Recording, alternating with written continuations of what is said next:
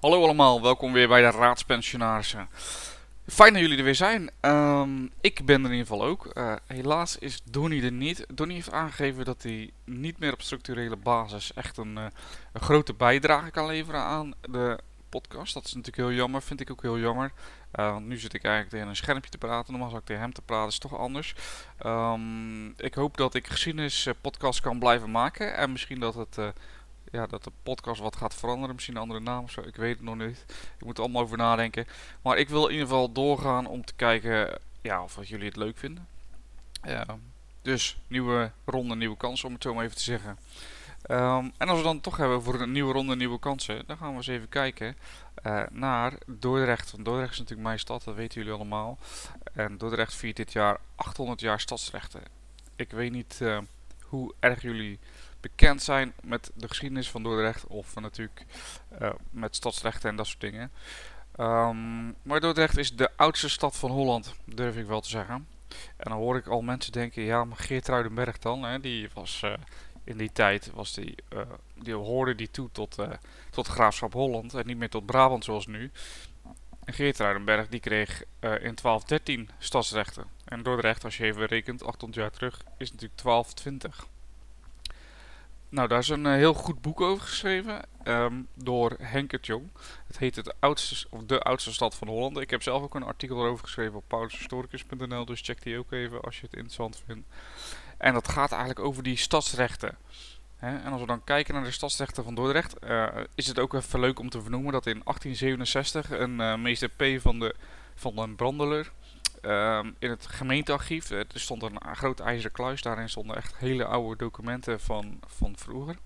En hij ging die ijzeren kluis ging hij bekijken en hij pakte een laadje en hij vond wat perkament met wat, ja, wat dingen erop geschreven. Wist niet precies wat het was. En wat ging hij doen? Hij ging die stukjes bij elkaar leggen. Eh, een soort puzzel, om het zo maar even te noemen. En hij vond eigenlijk dus de originele stadsrechten uit 1220. Dus de originele stadsrechten liggen nog in het Dordtse gemeentearchief. Dus dat is natuurlijk super vet. Um, wat blijkt ook is dat tussen het jaar 700 en 1222 dat uh, het aantal documenten dat bewaard is gebleven van uh, de documenten die betrekking hebben op zowel Holland als Zeeland, hè, de grootste provincies in die tijd, waar de meeste, um, ja, de meeste handel werd gedreven en dat soort dingen, um, zijn er nog maar 35 uh, overgebleven. Dus nog maar 35 van die documenten zijn bewaard gebleven. En de stadsrechten van Dordrecht zijn daar dus één van. En uh, dat is dus een klein wonder eigenlijk dat die stadsrechten er überhaupt nog liggen. Maar goed, wat deed uh, die uh, meneer Van den Brandeler nou? Hij had dus, was dus aan het puzzelen met die stukjes perkament en hij wist niet precies wat het was, maar op een gegeven moment herkende hij het van, de, van het exemplaar van 1252. Dus ze hebben nog een kopie liggen van het document uit 1252. Zoals niet het origineel, maar een kopie. Die legde die ernaast en wat bleek, die, die twee stadsrechten die leken echt superveel op elkaar. Zo kon hij dus reconstrueren eigenlijk dat het ging om de stadsrechten. En wat blijkt nou, die uit 1252 zijn een soort upgrade van de stadsrechten van 1220. Dus dat moet je even onthouden als we verder gaan uh, kijken naar de stadsrechten van Dordrecht. Want het is namelijk zo dat stadsrechten in die tijd, of eigenlijk zo'n beetje alle uh, overeenkomsten, niet per se op papier hoefden te staan.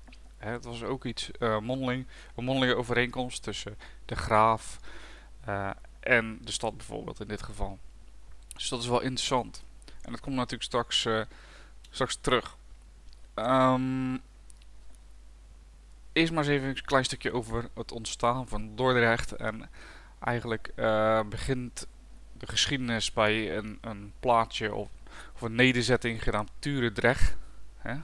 En de eerste uh, benoeming van zeg maar, de eerste bron die we vinden over Turendrecht, of Turendrecht eigenlijk, is, um, is in de Annalen van Egmond. En de Annalen van Egmond uh, zijn een soort historische verhalen uh, in, uh, die opgetekend zijn in de abdij van Egmond. en de abdij van Egmond, uh, en je moet eigenlijk voorstellen, heel veel abdijen of geestelijke instellingen, die hielden zich in eerste instantie natuurlijk bezig met uh, het geloof.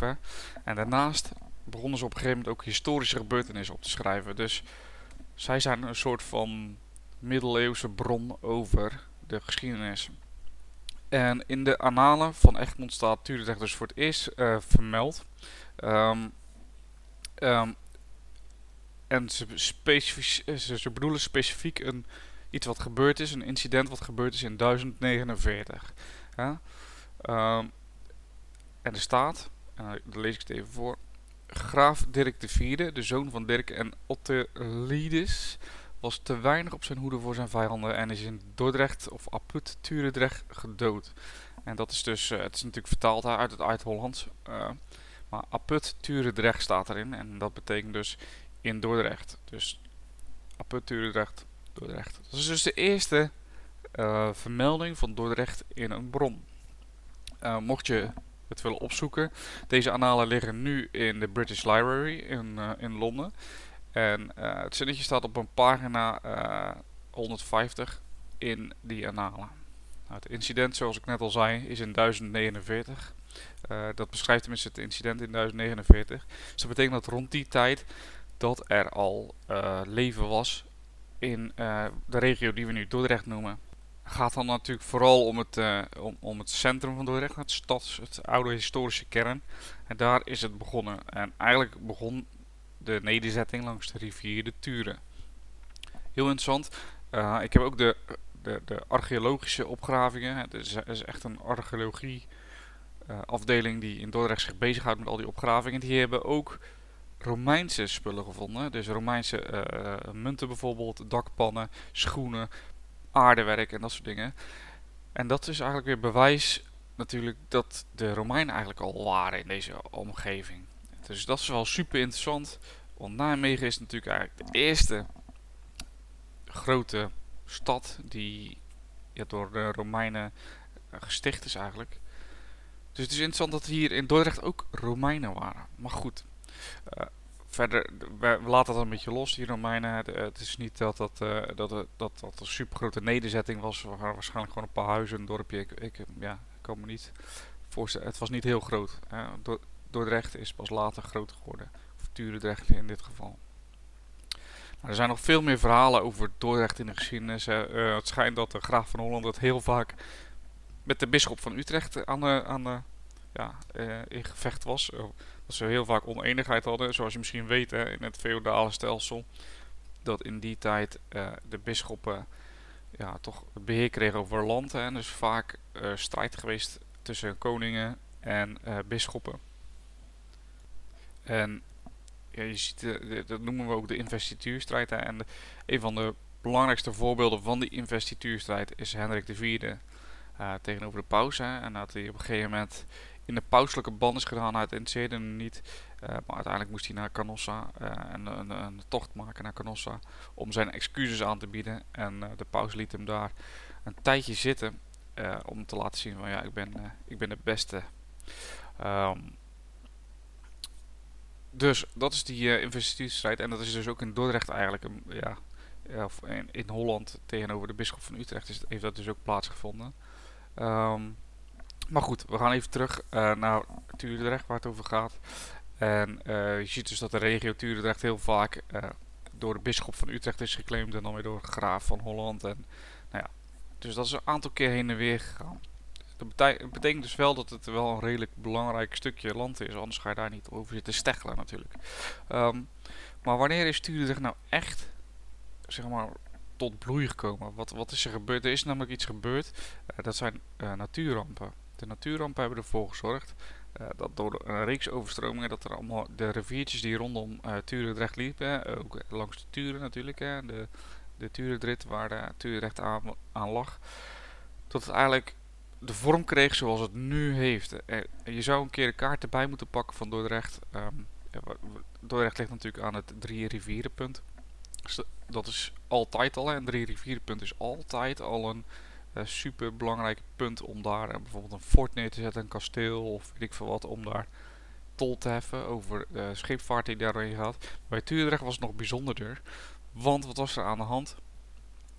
Um, de rivieren die, verbinden, die verbonden zich zo met elkaar dat je eigenlijk niet meer over de zee hoefde te varen om naar Antwerpen te gaan. Maar je kon dus bij, bij, bij Holland, bij ja, eigenlijk het gebied wat nu natuurlijk Noord- en Zuid-Holland was, daar kon je binnendoor helemaal naar beneden varen, binnendoor.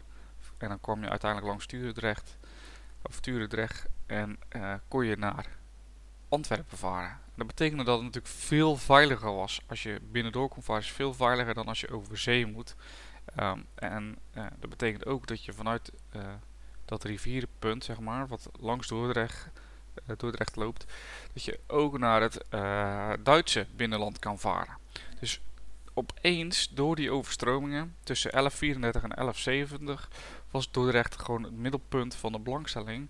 Omdat daar ja, alle scheepvaart doorheen ging die je maar kon bedenken. Dat betekent dus dat eigenlijk voor 1200, dus ergens tussen 1170 en, en 1200, Utrecht uitgroeide tot een internationale handelsplek. En er werd gewoon Frans gesproken, Duits, Vlaams, alles werd er gesproken in Turendrecht. Dat kleine nederzettingje. En dat bloeide dus helemaal op. Hè. En als we dat vergelijken met Geertruidenberg bijvoorbeeld. Wat natuurlijk ook aanspraak wil maken op de oudste stad van Holland. Dat was vooral een, een soort jaarmarkt waar lokale boeren hun agrarische producten op verkochten. Ook leuk natuurlijk. Maar ja, internationaal een stuk minder van betekenis. Een leuk uh, detail ook is dat de graven van Holland deze gebeurtenissen ook aanzagen. En dat ze op een gegeven moment een soort tolsysteem, tolnetwerk uh, bouwden. En uh, ze noemden het de Hollandse tollenkrans. En uh, er lagen een aantal stad-nederzettingen en tolplekken. Denk er bijvoorbeeld aan Vlaardingen, wat een nederzetting was, waar dus tol gegeven werd. Um, in Geervliet stond een tolhuis. In Strienemonde stond een tolhuis. Almsvoet stond een uh, tolhuis. Sliedrecht was ook een nederzetting. Uh, Niemand Vriend was een nederzetting. Ammers was een nederzetting. Moordrecht was een tolhuis. Dus overal uh, door dat graafschap Holland stonden tolhuizen. Zodat iedereen die maar um, ja, voer rondom Holland. dus of richting Antwerpen of richting Duitsland. die moest tol betalen. En Dordrecht lag eigenlijk een beetje in het midden van die tollenkrans. Dat maakt het een, een belangrijke plek, omdat je dan vanaf uh, een centraal punt kon de graaf natuurlijk overal snel heen om uh, ja, zaken te verrichten. Dus uh, Dordrecht of Turendrecht werd op dat moment een belangrijk punt voor deze tollenkrans en de internationale handel. En dus ook in het graafschap Holland. Grappig is natuurlijk dat graven niet op zichzelf functioneren. Ze, ze vielen onder een koning. Dus ook de graaf van Holland op dat moment in uh, 1158 uh, was Floris III van Holland. En die, uh, die begon extra belasting te innen tot onvrede van bijvoorbeeld de Vlamingen. Hè. De Vlamingen, daar lag natuurlijk Antwerpen. En als zij dus moesten vaarden en handel moesten gaan drijven, moesten ze dus extra tol betalen. Soms was het wel een tiende van je ladingwaarde. Uh, dus dat is vrij fors. Um, dat mocht eigenlijk helemaal niet. De, dus de keizer die, die schroefde dat terug naar een vijfde van de lading. Uh, om ook bijvoorbeeld de Vlamingen natuurlijk tevreden te stellen. Uh, maar toch deed Floris uh, de derde, bleef die extra belasting in voor zichzelf. Want hij hield het dan uiteraard zelf en sluisde het niet direct door naar de keizer. Um, maar goed, de Vlamingen pikten dat niet en die, die plunderden Holland op een gegeven moment in 1158. En in 1167 werd Floris III zelfs gevangen genomen. Uh, zo moest hij dus wel de Vlamingen hun zin geven. En hij erkende dus ook de belastingvorm uh, uh, van een vijfde van de, van, de, van de vracht in het verdrag van Brugge. Dus daar waren de Vlamingen dan weer blij mee. Maar goed, um, terug naar de stadsrechten. Dat is leuk allemaal deze geschiedenis. Maar hoe zit het dan met die stadsrechten? Waar komt die claim dan vandaan? Nou, dat is heel simpel. Uh, Floris III heeft uh, Dordrecht niet veel laten terugkomen in bronnen. Niet vaak over Dordrecht genoemd, hè, Turendrecht op dat moment. Maar zijn zoon, Dirk VII, wel. En de stormvloeden die voor 1170 natuurlijk alles veranderen, die staan sowieso natuurlijk vermeld. Uh, maar in, dat, in, in, dat kleine, in die kleine 30 jaar, 1170 tot 1200, groeide dat kleine dorpje Turendrecht dus uit tot een internationale handelsstad. Echt heel snel. Maar hoe bewijst het dan dat dat, dat voor 1200 al stadsrecht had? Nou goed, zoals ik net al uh, in het begin noemde, niet alle overeenkomsten werden altijd opgeschreven. Dus het is niet zo dat elke overeenkomst zoals tegenwoordig uh, opgeschreven werd en ergens bewaard werd. Dat, dat is, uh, het gewoonterecht was eigenlijk dat je dat gewoon mondeling af kon. Dus je zei iemand, je hebt, een, je hebt, een, je hebt stadsrechten en zij hadden dan gewoon stadsrechten. Dat was gewoon mondeling goed. Ehm, maar goed, daarmee bewijs je natuurlijk niet dat uh, Dordrecht stadsrechten had. Want ja, mondeling is leuk, maar zodra een heer dood is, en in dit geval natuurlijk 800 jaar later, weten we helemaal niet wat hij gezegd heeft. Maar er zijn wel degelijk, um, er zijn wel degelijk bronnen dat het al eerder uh, een stad was. Uh, een stad was. Uh, en je moet even denken aan, aan het woord oppidum. En oppidum is een Latijns woord en dat betekent een versterkte nederzetting. Um, denk daarbij bijvoorbeeld aan oppidum batavorum, oftewel de versterkte plaats van de Batavieren. Hè, wat in Nijmegen uh, wat natuurlijk in Nijmegen zat, later uitgroeide tot Nij Nijmegen. Dus oppidum is dus het Latijnse woord voor versterkte stad, versterkte legerplaats en later dus ook stad. Nou, Dirk de zevende, waar ik het net al een beetje over had, heeft een aantal oorkondes in Dordrecht uitgevaardigd.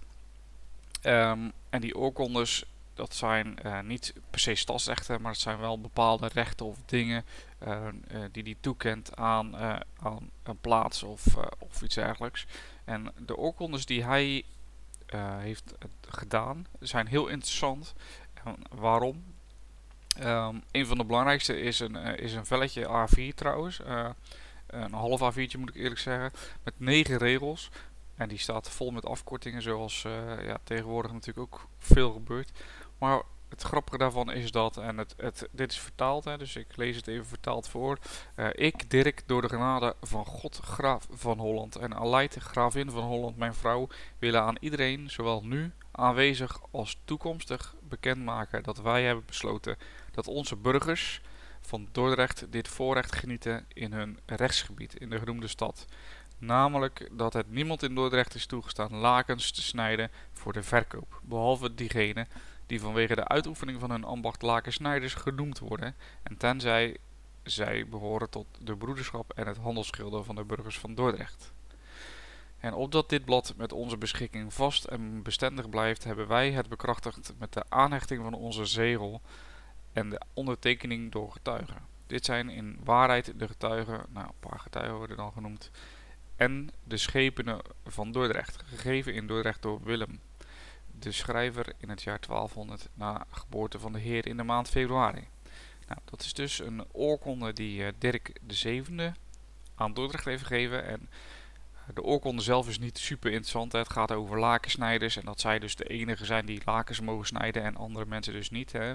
We kennen de gildes uh, van de middeleeuwen, waren alleen um, ja, de mensen die lid zijn van de gilde een bepaald beroep mogen uit, uh, uitoefenen. En dat was hier dus ook zo, maar dan met de lakensnijders. Maar wat is er interessant aan deze bron? Hoe kunnen wij hier nou uithalen dat Dordrecht al een stad was? Ten eerste wordt er gesproken van burgers. En in het uh, Latijns stond er oppidani. Ja, denk aan oppidum, oppidani, burgers van Dordrecht. Bur oppidani betekent burgers. En die burgers, dat is een, een nieuwe klasse die pas ontstaan is in de steden.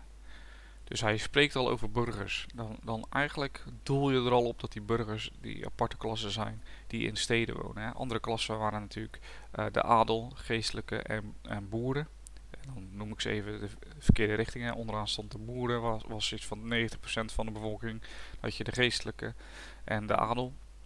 Uh, en die burgers was een soort aparte klasse die dus ontstond op het moment dat de steden ontstonden. En zij waren een soort van vrijgesteld van de herendiensten, dus zij hoefden niet te werken voor de heer, maar zij woonden in, uh, ja, in de steden. Daarnaast wordt er gesproken van een broederschap en een handelsschilder. Nou, dat zijn twee zaken die alleen voorkomen in, in steden. En um, als laatste de, de schepenen, de scabini in het, uh, in het Latijns. En schepenen, dat is de bestuurs, eigenlijk het bestuur van de stad. He, ze waren rechters en bestuursleden, uh, een soort burgemeester en rechters bij elkaar als je dat vergelijkt met tegenwoordig. En die, die vind je echt alleen maar in een stadscabini. Uh, dus dat betekent dat deze oorkonde die, die dus uit het jaar 1200 komt, al spreekt over uh, eigenschappen van een stad en niet van een dorpje. Dat betekent dat dus, als je dat natuurlijk even logischerwijs terug gaat redeneren, dat er voor 1200 al sprake is van een, stad Dordrecht die ook al stadsrechten heeft. Hè. Deze oorkonde is een soort aanvulling op die stadsrechten die er al waren. Dit is niet een, uh, een losstaand iets. Dus dat is interessant. Dat is, dat is al een, een goede aanwijzing dat Dordrecht al veel eerder stadsrechten had. Als je dan nog niet overtuigd bent, dan is er nog een tweede bron. En dat is namelijk een stuk uit Leuven. Ehm, Brabant dus. Hè, en die spreekt over het Oppidum Dordrecht. Oftewel, de versterkte plaats uh, Dordrecht. Dus dat betekent dat ook in Brabant al bekend was uh, dat Dordrecht, of Dordrecht in, uh, in dat, op dat moment, dat dat een, een stad was. En de, deze, deze oorkonde, of deze, ja, deze oorkonde, is vervaardigd op 3 november 1200. Dus dat betekent dat in, op 3 november 1200 in Brabant ook al bekend was dat Dordrecht een stad was. Nou, dat zijn toch twee vrij uh, duidelijke bronnen waaruit blijkt dat Dordrecht dus al voor 1220 een stad was. Dus ergens tussen 1170 en 1200, hè, na die overstromingen en 1200, is Dordrecht gewoon een stad geworden met stadsrechten. Wat naar mijn idee dus uh, bewijst dat Dordrecht zich in ieder geval de oudste stad van Holland mag noemen. Is Dordrecht dan ook de oudste stad van Nederland? Dat zou je misschien dan afvragen. Nou, dat is natuurlijk sowieso niet zo. Uh, er zijn maar twee steden eigenlijk die daar echt aanspraak op maken op die titel. Dat zijn Nijmegen en Maastricht. En we kijken dan even naar uh, dat, dat een, een, plek zeg maar, bewoond moet zijn geweest uh, vanaf het eerste moment. Dus niet zoals veel steden dat ze steden waren, maar dat ze leeg liepen nadat de Romeinen verdwenen. Um, en dan Maastricht die deed een gooi naar die oudste stad van Nederland. Maar uh, om te proberen of dat zij die titel konden krijgen. Maar dat, ja, er was, is geen bewijs dat de Romeinen de stad stadsrechten hebben gegeven. Nijmegen heeft dat echter wel. Um, dus Nijmegen zou in 98 na Christus van de Romeinen al stadsrechten hebben gekregen. Dus dat is al 1100 jaar eerder dan Dordrecht. Daarmee ja, mag Nijmegen zich natuurlijk de oudste stad van Nederland noemen. Dus gefeliciteerd Nijmegen. Uh, er zijn nog wel twee andere kandidaten. Uh, Volburg en Heerlen. Um, waarbij Volburg in 11 of in uh, 121 na Christus stadsrechten kreeg van de Romeinen. Maar beide hebben nooit middeleeuwse stadsrechten gekregen. Overigens voor de volledigheidshalve, volledigheidshalve zou ik zeggen dat um, um, de stadsrechten van Nijmegen in 1230 bevestigd werden. En die van Maastricht in 1284. Dus dat, uh, dus dat is het verschil tussen Dordrecht en, uh, en die andere steden. Ik heb nu natuurlijk eerst het hoofdonderwerp gedaan.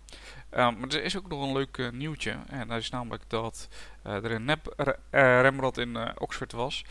Um, maar dat hij toch misschien wel het origineel is. Dus dat hij als namaak is bestempeld. Maar dat het toch een origineel schil schilderij is van Rembrandt. Dat is natuurlijk voor alle kunstliefhebbers interessant. En het gaat hierbij om het schilderij Hoofd van een man met baard.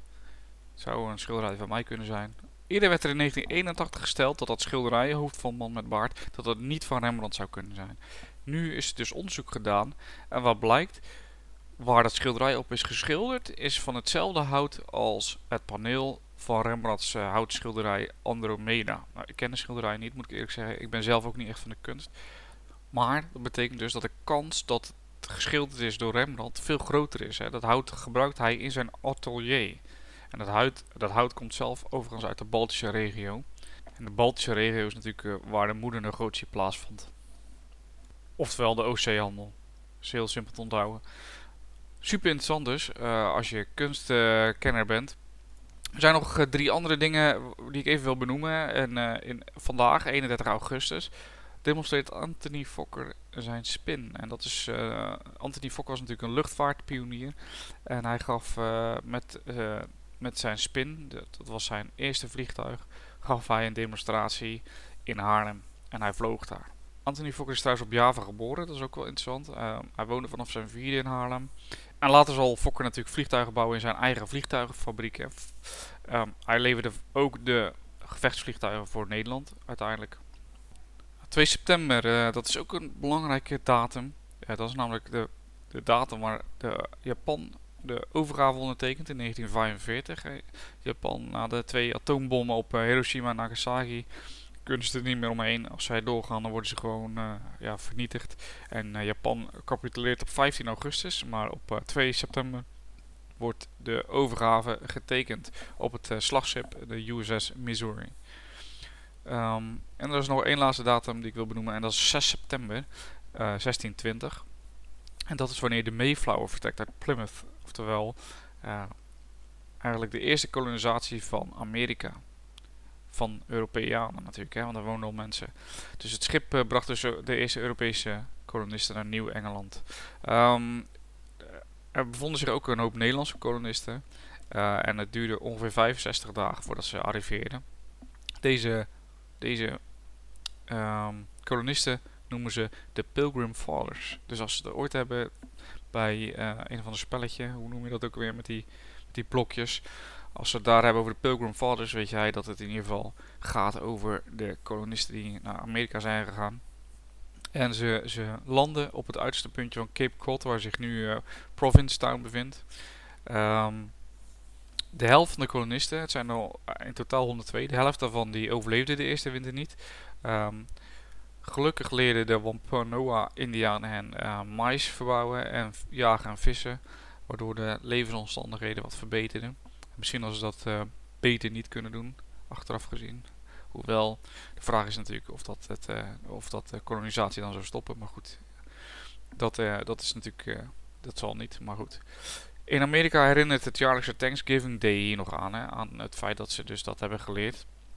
En het wordt al dus sinds 1621 gevierd. Uh, toen de kolonisten en de indianen gemeenschappelijk een oogstfeest vierden. Dus toen was het allemaal koekenij. En de eerste Europese kolonisten in de Nieuwe Wereld sloten zogenaamd het Mayflower Verdrag. En daarin besloten ze gezamenlijke wetten te maken. Um, de mensen die daar kwamen overigens waren, eh, voelden zich niet meer verwant aan de kerk van Engeland. Dus uh, ze noemen daar deserters, noemen ze het. Dus, um, dus dat. Nou, dat... Uh, waren de belangrijke gebeurtenissen. En ja, ik hoop uh, dat het uh, allemaal goed gaat met jullie luisteraars. ondanks corona nog steeds dat dat, ja, dat het goed gaat met jullie. En ik hoop dat jullie kunnen houden nog aan de anderhalve meter afstand. Um, want die is belangrijk. Bedankt in ieder geval voor het luisteren. Ik hoop dat het wat was. Ik hoop dat je het interessant vond. Het is natuurlijk een stuk korter dan voorheen. Maar goed, ik ben maar in mijn eentje. Dus dan, dan, is, dat, dan is dat zo. Ik wil wel proberen om regelmatig gasten uit te nodigen om uh, in gesprek te gaan met gasten, zodat het, uh, zodat dat ook leuk is. Uh, en Donnie heeft wel aangegeven dat hij regelmatig, in ieder geval als gast, ook wil terugkomen in, het, in, de, in de podcast. Een beetje afhankelijk van hoe leuk jullie het überhaupt vinden natuurlijk dat ik in mijn eentje ben. Ik hoop, ik hoop dat jullie het leuk vinden. Um, mocht je nou tips hebben, mocht je nou commentaar hebben of whatever. Dat kan natuurlijk altijd. Je kan mailen naar geschiedenis.paulushistoricus.nl je kan me vinden op Instagram en Facebook en uh, Twitter. Dus ja, laat vooral weten wat je ervan vindt. Uh, en of je nog tips hebt. En dan hoor ik jullie als het goed is volgende week weer. En bedankt in ieder geval voor het luisteren en jullie geduld. En dan zie ik jullie volgende week.